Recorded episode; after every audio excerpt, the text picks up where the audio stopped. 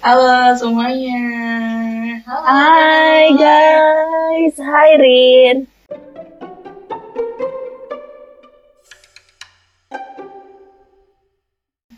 Hai, gimana nih Nge? Udah apa belum rencananya? Udah dikasih waktu satu minggu Eh, nih. Udah coba diapalin sih kali ini, cuman kayaknya gue gagal. Karena ketika gue denger konsernya, terus gue harus dengerin nama-namanya. Oh my god, itu yang gue lihat cuman kayak bibir doang. Terus apa gitu. Terus gue nggak apal-apal. Gue kira itu apa gitu. Awalnya kan gitu ya. Pertama gue kira itu dia ngomong apa sih perasaan seru amat. Tapi ternyata itu nama-namanya masing-masing si membernya BTS. Coba Bu Karin bisa diajarkan eh, kita sekalian agak throwback podcast sebelumnya. Ini gue gak tau ya bakal kebalik-balik apa enggak. Coba kita lihat. Kim Namjoon, Kim Seokjin, Hong Sosok, Min Yoongi, Park Jimin, Kim Taehyung, Jung Jungkook. Apakah gue kebalik? BTS. Oke. Gue gak tau apakah gue kebalik. Oke, buat yang di army-army di luar sana mungkin sudah hafal dan memang sudah familiar dengan kayak gitu ya. Maklum lah army KW yang ini dengernya cuma e e e e e BTS aja gitu belakangnya. Jadi gue nggak ngeliat itu apa satu-satu namanya dan akhirnya gue tahu setelah Karin ngomong tadi, oh iya ternyata namanya masing-masing dari si member BTS. Oke, Mohon dimaklumi aja deh. Kita masih newbie guys. newbie alias baby army yang kudu kejar paket bangtan. Anyway, welcome back to our Spion. Welcome back. Spion Podcast. Kalau kalian masih ngedengerin ini, berarti kalian kalian masih eh, semangat untuk belajar bareng kita karena kita lagi belajar podcast suara kita yang kemarin di episode 1 kalian tahu agak mendem untuk gue dan agak kencang banget untuk teman gue yang sono no. Ya nggak Noe? Iya benar, makanya hari ini eh, semoga kalian suara eh, kupingnya terba Terbiasa. aku ngomong Terbiasa. terbiasa supaya ngedengernya tuh lebih enak. Jadi gue akan mengurangi suara gue agak lebih eh, rendah sedikit dan bisa ngebalancing suara Karin yang kemarin mendem dan mudah-mudahan kali ini bisa didengarin dengan kalian dengan baik dan tahu Iya. oh ini yang Karina, ini yang Deno. Oke guys. Jadi gue juga akan mencoba untuk lebih eh, kencang ngomongnya.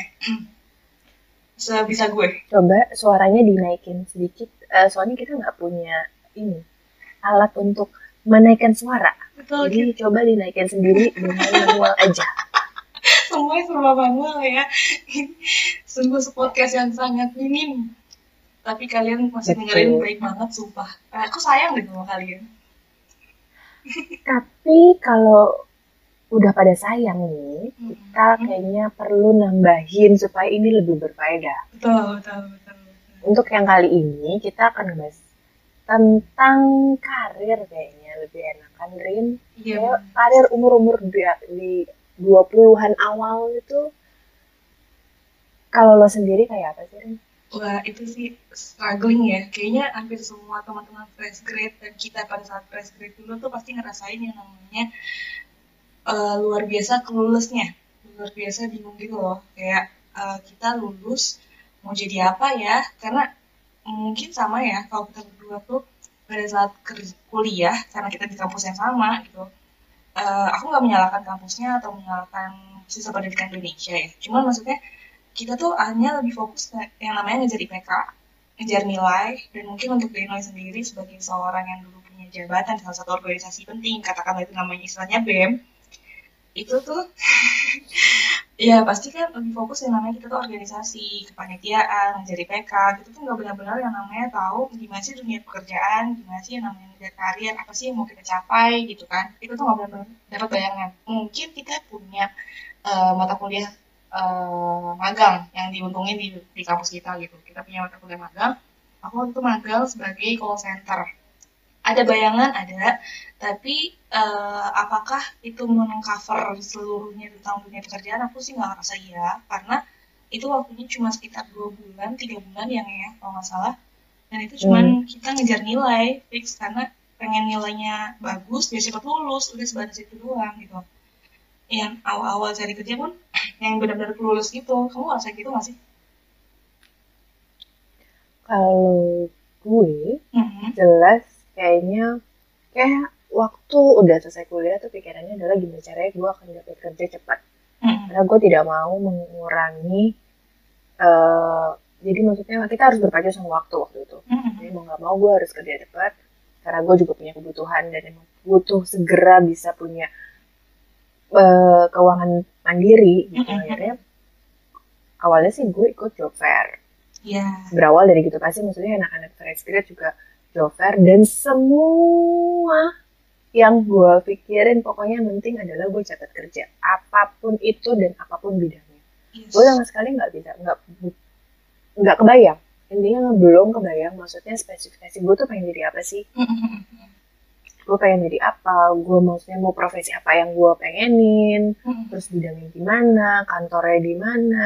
Terus maksudnya eh, company profile yang kayak apa maksudnya mungkin mungkin yang beberapa teman gue udah udah udah pada punya maksudnya gue harus kerja di BUMN A Iya. BUMN B atau ada kerja pokoknya di swasta yang A swasta B Mhm. Berarti masing-masing punya grade. Dan waktu itu gue bener-beneran sama sekali gue gak berpikir yang penting gimana caranya gue kerja. Mhm. Sampai akhirnya gue ikutan salah satu job fair. Mhm. Terus eh, gue dipanggil ada satu yang nyantol tapi ternyata itu futures. Kalau teman-teman pernah dengar futures itu kayak trading company gitu. Maksudnya yang nyari eh, customer buat maksudnya mau ikut join di futures mereka. Mereka jual beli ada forex apa segala macam itu banyak banget eh, bidangnya kayak gitu. Akhirnya gue coba eh, ada yang manggil itu, tapi ternyata gue langsung direm sama temen gue. Iya. Lo jangan masuk futures, Mhm. karena maksudnya ada kemungkinan itu bisa aja ngejebak lo di dalam atau gimana. Akhirnya gue nunggu-nunggu. Malah sebenarnya satu hal yang gue dapetin eh, di awal kerja adalah koneksi. Iya. Gue dapat kerjaan pertama itu gara-gara koneksi. Mhm. Jadi temen gue kerja di salah satu bidang itu yang ngadain job fair itu. Mhm. Terus ternyata dia butuh uh, lowongan kerja dan segala macam dan akhirnya uh, gue diterima di sana dan akhirnya kerja di event organizer yang ngadain job fair yang gue datangin waktu itu. Mhm. Itu sih awalnya gue mulai kerja itu 2013. Jadi gue lulus di April, sudah di Mei. Juni itu gue udah mulai kerja. Mhm. Itu sih kalau gue. Mhm. Memang sih awal cari kerja tuh kita benar-benar sekelulus itu dan pasti kayak ngikut job fair job fair gitu kan. Aku pun Yes, bener. eh, kayak ya udah kayak ngelamar aja, yang penting cepat, terus kayak benar-benar yang nyari tuh udah benar-benar yang semua eh, bukan cuma semua perusahaan tapi semua daerah di Indonesia dari dari Jakarta sampai ke Papua pun gue cari gitu. Eh, pada saat itu perusahaan yang lumayan orang-orang tahu lah di Papua gitu. Tapi gue pun ngelamar karena gue berpikir bahwa gimana ya gue akan hidup di sana. Nggak berpikir sampai yang penting cuma kayak ya kerja pokoknya gitu. Nggak berpikir bahwa gimana ya gue hidup di negara di daerah lain di wilayah Hmm. baru dengan kehidupan gue sebagai Hmm. seorang wanita sendirian gitu. Gimana ya apakah orang tua gue akan mengizinkan? Gue nggak bisa gitu yang penting gue kerja. Bahkan pada Hmm. saat itu mungkin kita sih ya uh, pada zaman zamannya MT ya. Jadi kayak semua tuh fokus yang lomba-lomba ngejar MT kita pasti ngeplay itu yang kayak yang mikirnya karena itu adalah fast track gitu kan tanpa berpikir Yes. bahwa apakah itu akan sesuai sama aku apakah itu akan sesuai dengan minatku nggak mikir kayak gitu mungkin semua anak fresh grade pun akan berpikir hal yang sama gitu bahkan saking uh, kita punya gengsi ya kadang-kadang juga ada yang Hmm. berpikir bahwa jangan ngelamar yang posisinya itu adalah di bawah daripada yang kita uh, punya kualifikasi gitu. Either itu apakah Ya. kamu seorang S1 nggak mau ngelamar D3 D3 nggak mau ngelamar SMA awalnya pasti ada rasa gengsi kayak gitu untuk uh, nggak menutup kemungkinan untuk orang-orang pasti ada mikir kayak gitu. Tapi uh, buat aku pribadi dengan aku punya pengalaman kerja pertama itu aku lulus Februari bareng sama Denoy. Itu aku mulai kerja di bulan Maret sebulan kemudian tapi itu posisi pekerjaan yang bukan untuk perusahaan S1 sebenarnya. Jadi teman-teman kerjaku pun adalah anak-anak lulusan SMA dan aku memang Hmm. kerja di SCBD jadi uh, memang di satu perusahaan yang cukup besar tapi untuk sebenarnya kualifikasinya nggak untuk anak S1 gitu. Kan Eh, aku tapi tetap coba aja. Pekerjaan pertamaku adalah untuk melipat kertas dan nyetak kartu. Sumpah mungkin kantornya kelihatannya pertama kali aku kerja. Aku ngeliat kayak wah gila kantor keren banget. Banyak foreigner dan segala macam gitu ya. SCBD Mm-mm. gitu. Ya no doubt lah. Terus kayak tapi begitu aku tahu kerjaannya kayak gitu ya aku tetap ngelakuin gitu. Meskipun mungkin untuk sebagian orang ngapain sih dilakuin ya? Dan itu pun posisinya adalah magang gitu. Ngapain dilakuin? Dan cuma ngambil kertas dan segala macam berangkatnya juga jam 5 pagi aku dari rumah. Bisa aku pulang dari kantor tuh jam 12 malam. Untuk melakukan pekerjaan yang sebenarnya ya udah cuma ngambil kertas ngambil kartu gitu. Tapi itu eh, apa sih yang didapetin? Pengalaman. Ya kan? Pertama itu terus networking gitu. Emang eh, istilahnya kayak pesannya worth it gak sih? Meskipun dapatnya jangan dilihat income dulu deh kalau pekerjaan pertama. Ini saran dari aku. Yang dilihat adalah itu worth it gak sih untuk value kamu ke depannya? Kamu tuh dapat experience apa? Kamu dapat networking apa? Itu dulu serius deh. Karena aku ngerasa kebantu banget dan ngerasa meskipun gajinya nggak seberapa tapi aku bangga banget itu pada saat itu kan kayak gue bisa karena di SCBD itu harganya mahal-mahal dan aku bisa akhirnya beli, beli satu kue yang harganya mahal gitu ya dari dari kantor tuh bisa bangga banget hari pertama. Gajian aku langsung bawa pulang meskipun eh, nggak cocok sama lidah orang-orang rumah sampai akhirnya itu kue basi sampai akhirnya aku makan sendiri karena aku merasa itu gaji pertama aku gitu. Terus aku makan sendiri sampai aku akhirnya diare sendiri dan di opname sendiri yang harganya lebih mahal daripada gajian aku sendiri di bulan itu tapi value-nya sih value ngerasain gajian pertama capeknya kerja berangkat jam 5 pagi pulang jam 12 malam setiap hari. Itu worth it sih menurut aku. Untuk sampai sekarang aku masih ingat banget. Gitu ya sih ya emang. banyak hal-hal yang kayak ya udah jangan singkirin dulu nih si gengsinya. Kamu kelulus apa pun yang ada kamu di hadapan kamu kayak dia udah dapat io aku dapat ngelipat kertas even though itu di orang tahu SCBD ya tapi orang kan nggak tahu kerjaan kita sebenarnya apa ya gitu. iya menurut aku sih take it nggak ada masalah. Gitu. Iya sih kadang eh, yang gue lihat nih maksudnya ad- mungkin memang ada yang jatuhnya jadi gengsi. Yes. Ya maksudnya lo punya ijazah maksudnya tapi kalau kerjaan lo kayak gini atau lo nggak dapetin eh, gaji yang lo mau gitu maksudnya. Kalau gue berpikir adalah eh, awal hari kerja itu pasti sulit Mm.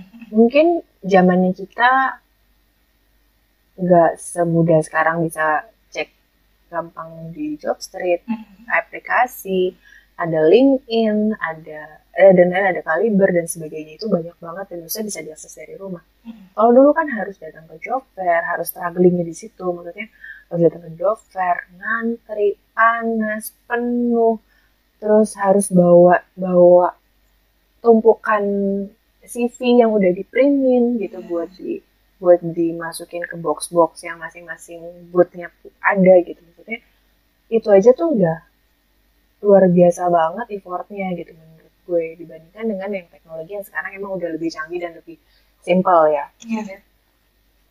cuman dulu berpikir adalah pokoknya kalaupun walaupun kerja memang benar kata Karin tadi maksudnya kita coba cari lihat pengalamannya worth it nggak ketika emang kita tampil gitu? Misalnya in, either pengalaman atau networking? Karena itu dua hal itu adalah penting banget ketika lo akan terjun di dunia kerja. Setuju.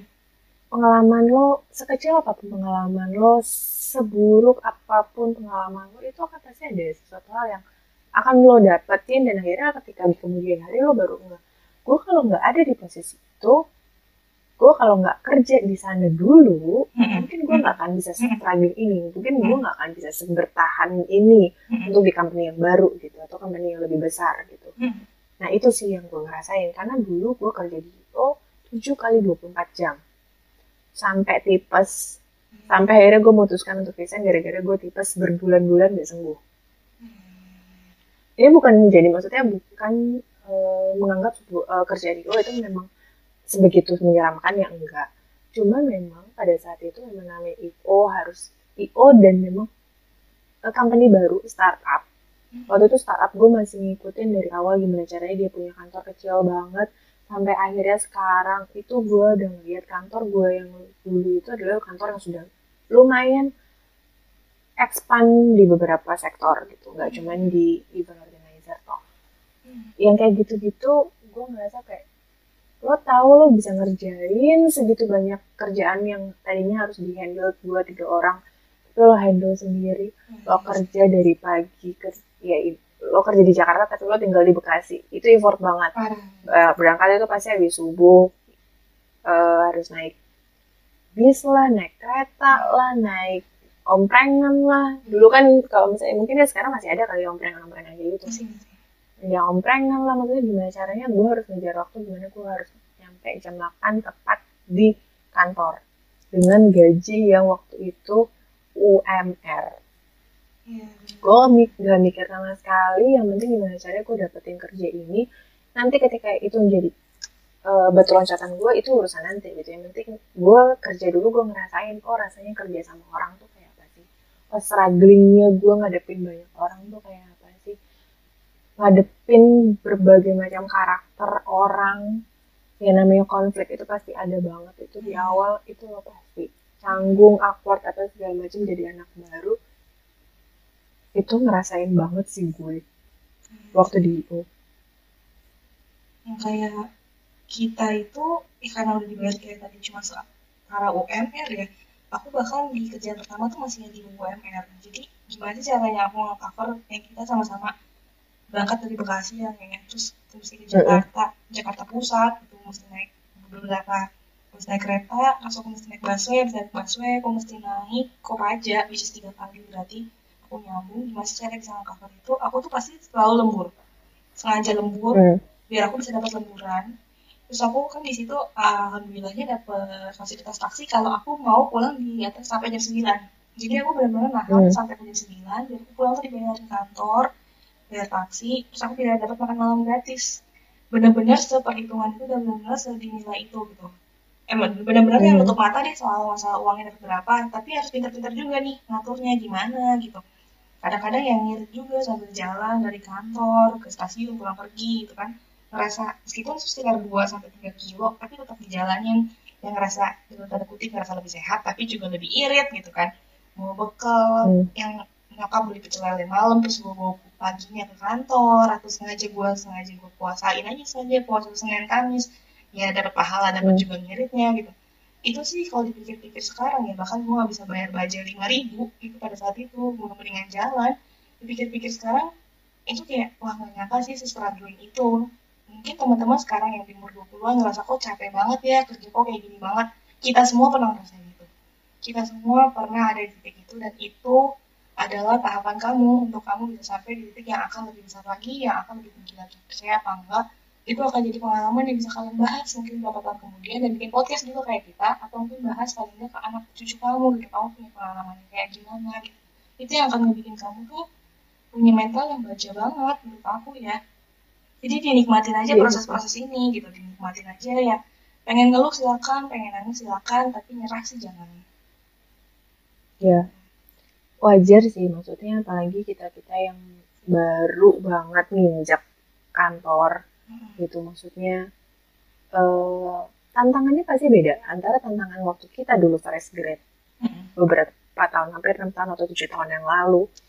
Terus dengan tantangan yang sekarang justru itu sesuatu hal yang beda. Jadi maksudnya eh, yang sekarang itu kalian harus benar-benar dipacu untuk bekerja cepat gitu kan kak? Maksudnya sekarang teknologi udah apa apa gampang. Udah semuanya tuh didukung teknologi didukung ini itu segala macam. Tuh kalian memang harus punya effort lebih di situ.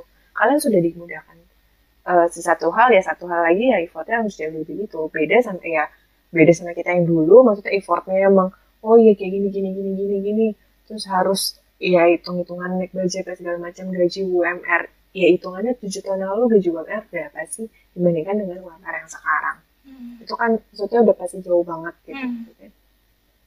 tapi ya kalau gue sih emang gue akan jalanin gitu maksudnya kalau kita nggak ngelewatin itu gue nggak bakal ada di posisi yang sekarang yes kalau misalnya gue nggak pernah ada di posisi gue tahu di bawah gue tahu sakitnya gue tahu capeknya gue tahu nangisnya gue tahu pingsannya waktu itu Hmm.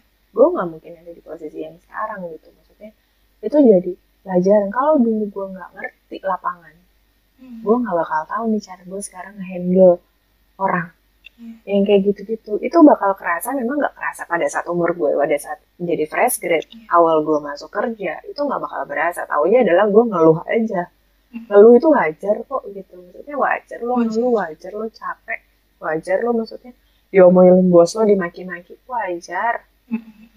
itu cuman kerjaan itu bagian dari kerjaan yang lo pilih Yes. Itu bagian dari resiko gitu menurut gue. Jadi kalau misalnya lo dimarahin karena lo salah ya tak ya terima. Mm. akuin dan terima. Mm. kalau sekarang lo udah kalau misalnya udah tahu salah tapi masih menggerutu bilang gue nggak terima sekarang ya itu balik lagi gitu. Maksudnya tapi itu udah jadi sepaket. Jadi strugglingnya di awal kerja itu pasti pertama lo harus adaptasi dulu sama lingkungan. Lo kedua harus adaptasi cepat sama gimana caranya lo menyerap semua job desk yang harusnya lo tanggung itu kan itu sepaket yang emang lo butuh effort lebih di sana gitu. Iya, benar-benar banget. gitu Dan dan maksudnya kan gak semua leader juga kan maksudnya oh iya ada yang langsung nyemplungin pokoknya anak fresh grad pokoknya dicemplungin langsung kerja ada yang kayak gitu ada yang leader yang oh iya gue akan ngasih nih poin-poinnya dulu gue akan ngajarin basicnya dulu ada yang kayak gitu jadi tapi kan kita nggak bisa milih kita dapet user yang kayak apa Iya.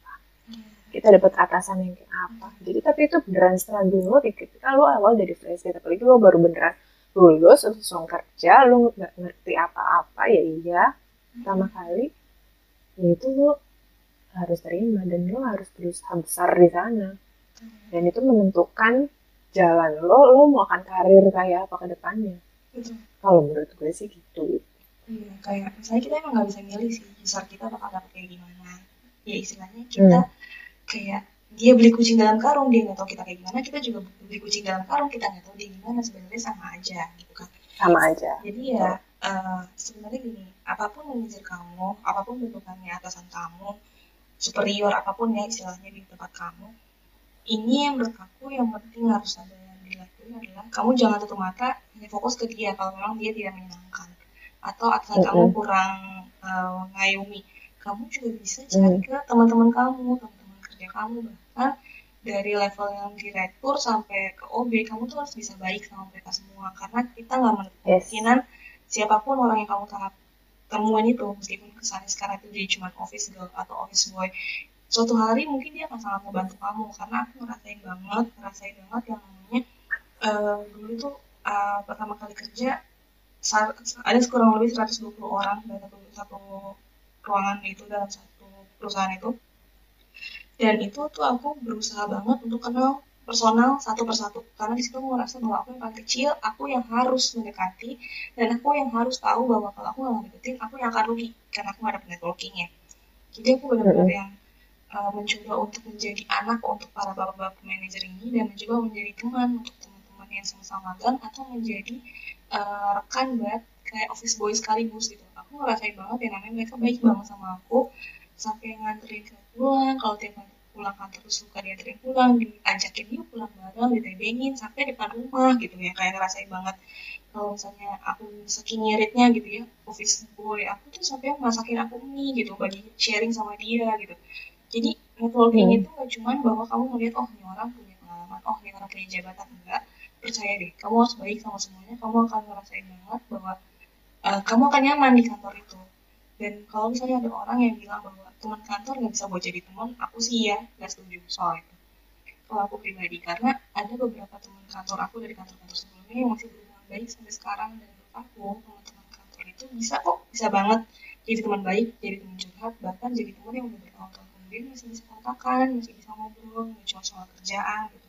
Jadi sebenarnya gimana sih balik lagi ke kalian membawa dirinya membawa dirinya ini ke atasan harus kayak gimana ke rekan kerja harus kayak gimana ke teman-teman yang mungkin office boy, office girl, uh, doorman itu harus kayak gimana gitu.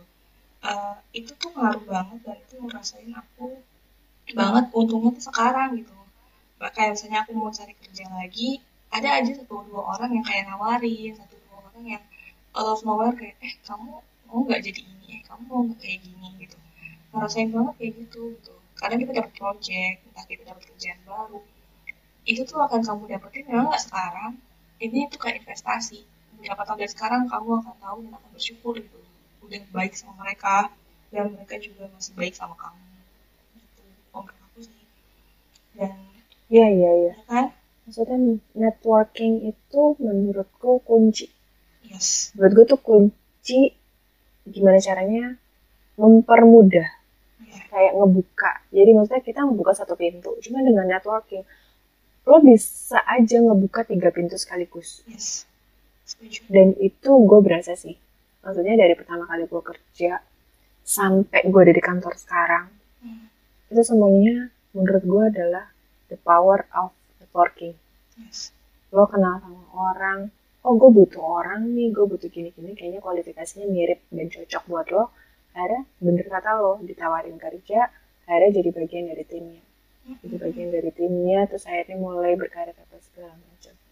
Menurut gue emang penting. Maksudnya either temen-temen lo sekarang maksudnya gue sih berasa dari kuliah. Buat temen-temen yang masih kuliah sekarang nggak cuman ya udah diam kuliah doang ya enggak. Tapi lo buka lo kenal sama banyak orang di kampus lo entah temen seangkatan di senior junior dosen sampai staff pun yang ada di kampus tuh lo kenalin semua karena lo nggak emang bener lo nggak bakal tahu itu pintu rezekinya si karir lo tuh dibuka dari pintu mana.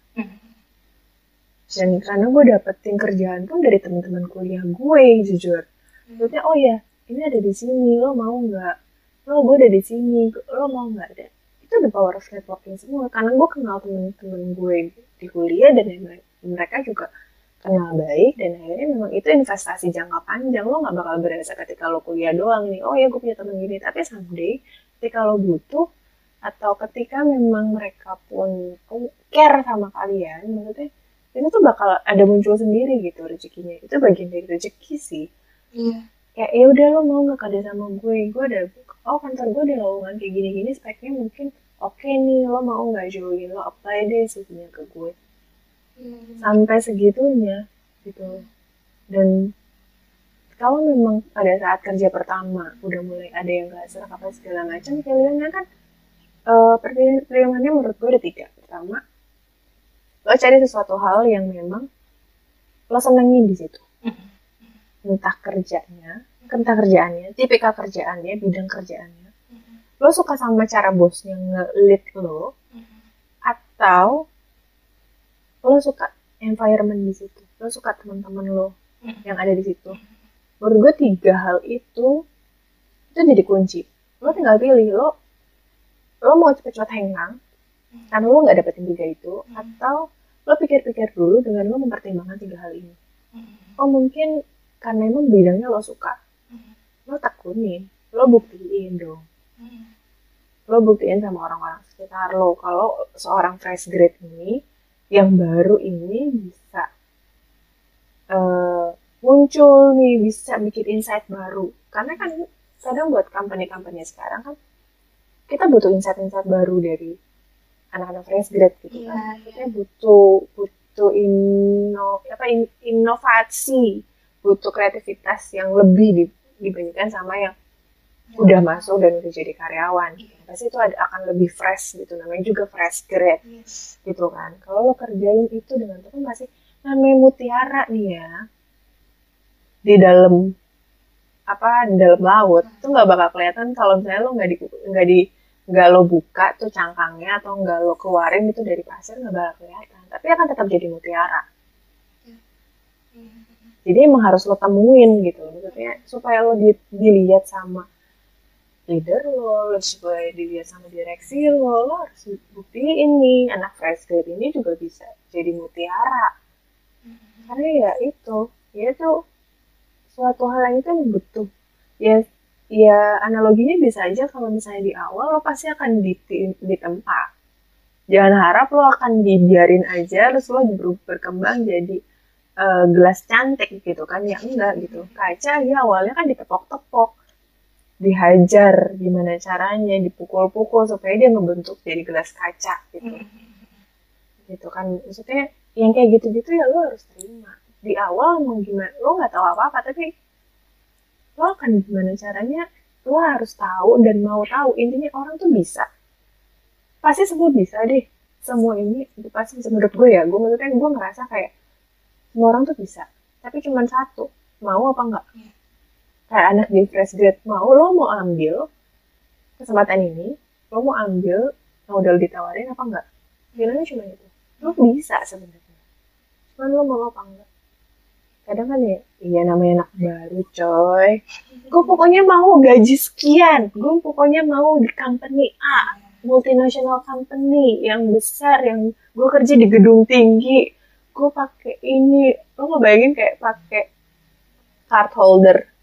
Kayak itu udah paling kece banget gitu se SCBD mungkin zaman dulu lo gitu. Kayak lo pakai eh, gantungan uh, ID karyawan gitu kan nentang nenteng nentang nenteng masuk SCBD keluar SCBD gitu kan. Kayak dulu tuh pokoknya gue harus di sana gitu. Maksudnya ya itu harapan semua orang bisa kerja di tempat bagus bisa dapat gaji yang dia mau. Itu dan menurut gue emang gak ada privilege tertentu sih kalau menurut gue. Jadi kayak itu ya strugglingnya orang aja. Yang di sana juga lo belum tahu. Belum tahu orang aja. yang keluar masuk SCBD itu sebenarnya kerjanya apa? Gitu. Ternyata ngelipat kertas. kertas bu gitu kan. Belum tahu aja. Iya sih maksudnya selain karena mau ya untuk aku sih kunci paling dasar dari semuanya tuh bersyukur sih. Hmm. lo dapat kerjaan itu bersyukur. Pertama kali lo dapat kerjaan aja tuh ya itu bersyukur dulu deh. Karena aku ngerasain banget sebagai seorang fresh grade waktu kerjaanku kedua itu di radio yang satu gedung sama Deno itu Deno IO aku di Mm-mm. radio. Aku ngerasain banget ngadain job fair yang tadinya tahun sebelumnya atau beberapa bulan sebelumnya tuh aku yang ada di situ yang ngeplay ngeplay itu terus beberapa bulan kemudian Hmm. aku yang ada di balik meja yang ngumpulin CV CV posisinya aku masih fresh grade masih gitu kan. Maksudnya aku cuma baru beberapa bulan kerja aku ngumpulin CV CV anak fresh grade sampai berkardus-kardus dan aku ngerasain banget tersortir yang mana yang bahkan harus dibuang itu tuh ngerasain banget yang kayak eh aduh ini tuh banyak banget mimpi yang harus nggak lewat aku ternyata kan. Harus Mm-mm. kita tolak gitu Nanti buat teman-teman yang sekarang dapat kerjaan pertama, udah dapat kerjaan pertama, tapi baru mungkin ini baru satu hari, satu minggu, satu bulan di perusahaan itu tapi udah ngerasa kayak kok gini ya kerja, emang kayak gitu kerja. Jadi emang Mhm. kayak gitu bahwa ya kamu syukurin dulu karena kamu tuh kalau kamu ada posisi aku yang ngumpulin kardus-kardus itu, kamu ngerasain banget yang namanya kamu beruntung dibandingin anak-anak yang ada di kardus-kardus itu kertas-kertas CV yang ada di kertas-kertas itu yang enaknya adalah harus aku buang harus aku jadiin kertas bekas. Ya karena memang kita pada saat itu nggak butuh sebanyak itu gitu loh. Makanya kalau Mhm. sekarang eh, berasa kejebak di karir yang sekarang kalian jalanin coba dijalanin siapa tahu kadang-kadang kejebaknya itu kalian jadi tahu passion kalian. Bisa jadi memang passion kalian di situ atau kadang kalian jadi pembanding. Oh bukan ini nih passion aku.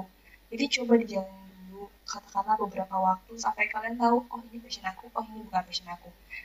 Eh, jangan buru-buru memutuskan gitu. Karena aku pun kejebak sebagai aku pribadi adalah seorang HRD profesional. Aku baru sadar bahwa aku seorang HRD dan aku lebih passion di HRD setelah aku main main nih ke marketing lah gitu ke melibat kertas tadi lah gitu. Aku tahu bahwa Hmm. dan customer service lah segala macam aku baru tahu bahwa oh HRD ini yang paling nyaman. Setelah aku main main mungkin aku dibandingin sama Denoy aku lebih terkesan aku loncat kan sedangkan Denoy adalah orang yang stay di perusahaan yang cukup lama gitu. Gak ada yang salah sih sebenarnya baik kalian mau putus loncat atau kalian stay loyal di perusahaan selama kalian bertanggung jawab atas itu dan tahu goalnya. Jadi maksudnya gini, kenapa kalian lompat? Karena kalian tahu, oh passion aku tuh yang ini dan aku tuh bukan passion yang kemarin aku tinggalin gitu. Kalau itu kalian nggak masalah ngelakuin itu. Tapi kalau kalian lompat sebatas karena kalian udah nggak udah nggak kuat, nggak kuat aja gitu, nggak kuat karena alasan yang mungkin kalau kalian pikir-pikir lagi masih bisa stay, sayang nggak sih? Gitu. Karena coba dibandingin sama teman-teman yang apalagi sekarang posisinya pandemi, teman-teman yang masih cari kerja, sayang nggak sih kalian keluar gitu aja? Gitu. Patokan aku untuk keluar dari perusahaan atau pindah dari perusahaan adalah empat hal. Satu good money, good people, good knowledge, atau good value. Jadi kalau kalian udah nggak ada empat hal itu, oke silahkan keluar. Tapi yakin satu pun nggak ada. Kayak good money, kalian masih dapat nggak?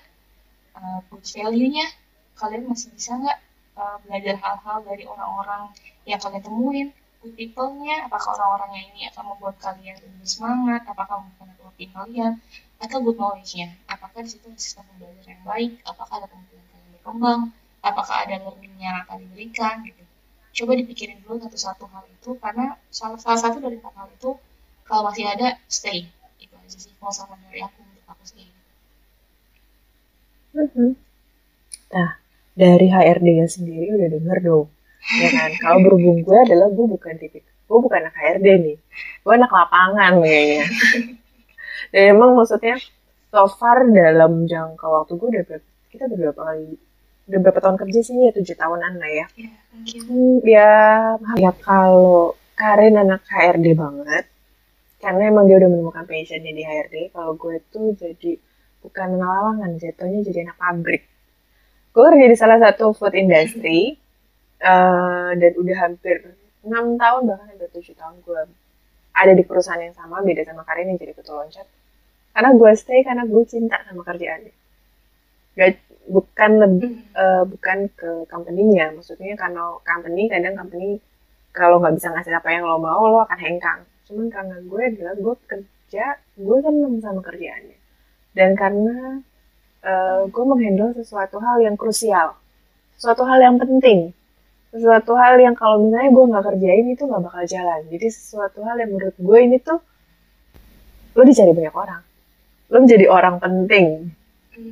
kadang di situ maksudnya ya itu lo akan temuin ketika jadi anak itu bertahun-tahun lamanya lo akan sadar bertahun-tahun aja bukan berarti gue sekarang gue nggak ngelewatin masa-masa gue dimaki-maki bos gue zaman gue jadi fresh grad gitu kan. Eh, atau gue atau report gue yang A3 itu dilempar bahkan dirobek-robek depan gue. Gimana nggak sakit hati? Itu pernah selama jadi anak fresh grad apalagi baru. Itu pernah terjadi. Jadi maksudnya cuman ya gue berpikir ya udah memang benar apa sih yang masih gue dapetin dari sini? Duit gue dapet. Hmm. oh gu- bos gue itu gue beruntungnya adalah gue dapet bos yang memang seorang seorang leader. Seorang leader yang emang cukup mencet banyak mencetak anak-anak yang karirnya oke banget. Hmm. dan akhirnya gue bertahan di sana walaupun gue dimaki-maki sampai pingsan gue di kantor digotong-gotong ambulan ke ke rumah sakit itu gue pernah gue rasain. Cuman akhirnya gue sadar tep- ketika gue sudah tidak bersama dengan dia gue ngerasain bahwa oh iya gue kangen diliderin sama ini orang. Karena Iya. apa? Walaupun gue dimaki-maki di sana tapi gue dapetin apa yang akhirnya gue butuhin ketika gue ada di posisi yang lain. Hmm. ya kayak gitu. Jadi memang strugglingnya jadi fresh grade itu banyak hal. Lo akan menemuin banyak hal baru lo akan menemuin banyak eh sesuatu yang mungkin gak sesuai sama ekspektasi lo yang lempang-lempang aja itu pasti. Iya. tapi yakinlah someday lo akan flashback ke masa fresh grade lo lo akan ngomong sama lo zaman fresh grade lo bertahan. Lo cukup kuat ngadepin ini. Hmm. kayak mau berterima kasih sama diri lo sendiri gitu kan? Ya, lo berterima kasih sama diri lo waktu fresh grade yang sudah bertahan untuk kerja ditekan kanan kiri, ditelepon jam 2 pagi, dan lo tetap angkat dan lo tetap bertanggung jawab. Hmm. Buat itu, thank you so much buat Dendoy 20 umur di umur 20-an itu sudah bertahan dan akhirnya gue bisa bertahan hingga hari ini gitu. Hmm. Jadi kalau ketika emang lo ngerasa bahwa memang oh ya gue jadi anak fresh grade susahnya emang bener nggak ada yang gampang lo tinggal ngomong yakinin sama diri lo lo bisa. Dan lo mau ngejalanin udah. Dan lo berterima kasih bahwa lo sudah melewati satu hari kemarin. Oh ya gue sudah melewati satu hari kemarin dengan gue bersyukur. Gue bisa melewati satu hari lagi. Oh besoknya lagi begitu pun. Oh ya gue terima kasih bahwa alhamdulillahirobbilalamin gue bisa melewati hari ini walaupun berat walaupun lo capek pulang cepar apa segala macam tapi ingat diri lo satu. Hmm. lo harus balance antara kerjaan lo lo harus mampu manage antara kerjaan lo hidup lo itu harus balance. Karena lo bukan hidup buat kerja tapi lo kerja buat hidup. Setuju banget sih. Setuju banget setuju banget. Ya jadi lo kerja itu buat hidup bukan hidup buat kerja. Dan gue baru menyadari setelah sekian tahun gue kerja. Jadi ya buat yang lagi mulai mata karir dari awal ya pintar-pintar manage dan balancing antara kerjaan sama uh, hidup lo sendiri. Karena itu uh, buat penting ya. Mewaraskan. Mewaraskan. Mewaraskan jiwa supaya lo tetap waras lo tetap bisa bekerja dengan ya ya intinya adalah lo harus bersyukur dengan apa pun yang lo dapetin. Sekarang karena nggak semua orang bisa seberuntung lo nggak semua orang itu ada di posisi lo. Kadang ada, lo ada di posisi yang gimana orang sedang hidup di zaman saat ini. Tah dari gue terakhir. Iya, setuju sih. Intinya tuh bener bahwa bersyukur tuh poin paling dasar dari semuanya lu bersyukur bahwa lu masih kerja itu dulu pertama karena di posisi Hmm. sekarang pandemi lu kalau keluar Iya. lu di posisi gue kemarin ngelihat orang yang gak ada kerjaan gue ada kerjaan dia if only gue bisa ngasih kerjaan ke kalian semua gue kasih tapi kan gak mungkin ya terus sama gak punya nenek moyang gue gitu Hmm. Iya, pertama bersyukur serius deh kalau kamu buka mata kamu lihat banyak orang yang sekarang tuh banget kerjaan. Hmm. itu, kedua apa sih? Ya kalian nikmatin aja profesi ini, nikmatin, nikmatin susahnya, nikmatin capeknya, tapi nikmatin juga bahagianya, nikmatin juga sama keluarga kalian, kasih gaji pertama kalian ke keluarga kalian gitu. Bisnis itu juga selain keluarga, kalian juga harus kenal sama orang-orang yang papasan sama kalian di profesi ini gitu. Papasan sama kalian tuh gak cuma orang-orang yang satu timnya tapi tim-tim lain. Atau misalnya satu gedung even mungkin teman-teman yang kalian temui di kereta teman-teman di LRT gitu. Itu kalian papasan kalian berbuat baik kalian bangun network sebesar mungkin seluas mungkin kalian akan bersyukur berkat bertemu mereka karena kalian ketemu mereka tuh nggak mungkin tanpa alasan. Jadi yes. kenalin orang-orang itu baik-baik berhubungan baik-baik. Percaya nggak percaya suatu hari kalau kalian belum ketemu passion kalian sekarang kalau kalian belum seberuntung Benoy mengerjakan pekerjaan yang kalian sukain kalian akan menemukannya suatu hari nanti karena kalau kalian nggak tahu prosesnya kalau kalian nggak pernah bersyukur kalau kalian nggak pernah papasan dan berbuat baik sama orang-orang ini kalian nggak akan pernah tahu passion kalian. Jadi coba dinikmatin ketemu passionnya nanti. Kalau sampai kalian nanti ketemu passionnya kalian ingat-ingat aja sama kita. Nanti dengerin ini kalian pasti akan tawa-tawa lagi. Atau mungkin kalian akan bikin podcast sama kayak kita. Aku nunggu banget nggak denger pengalaman kalian terkait kalian gimana sih bisa passion kalian di itu sih ada oke Udah kali ini ya. cukup panjang ya karena maksudnya kita semangat sih kita semangat banget buat teman-teman yang lagi uh, ngejar karir menata karir dari awal Uh, kita support banget kalian dan maksudnya Yes. kita jadi beneran flashback sih Rin. thank you so much Karina Thank you so much Benoy for here untuk waktunya di sela-sela kesibukan sebagai orang penting yang menyiapkan ini untuk Siwon.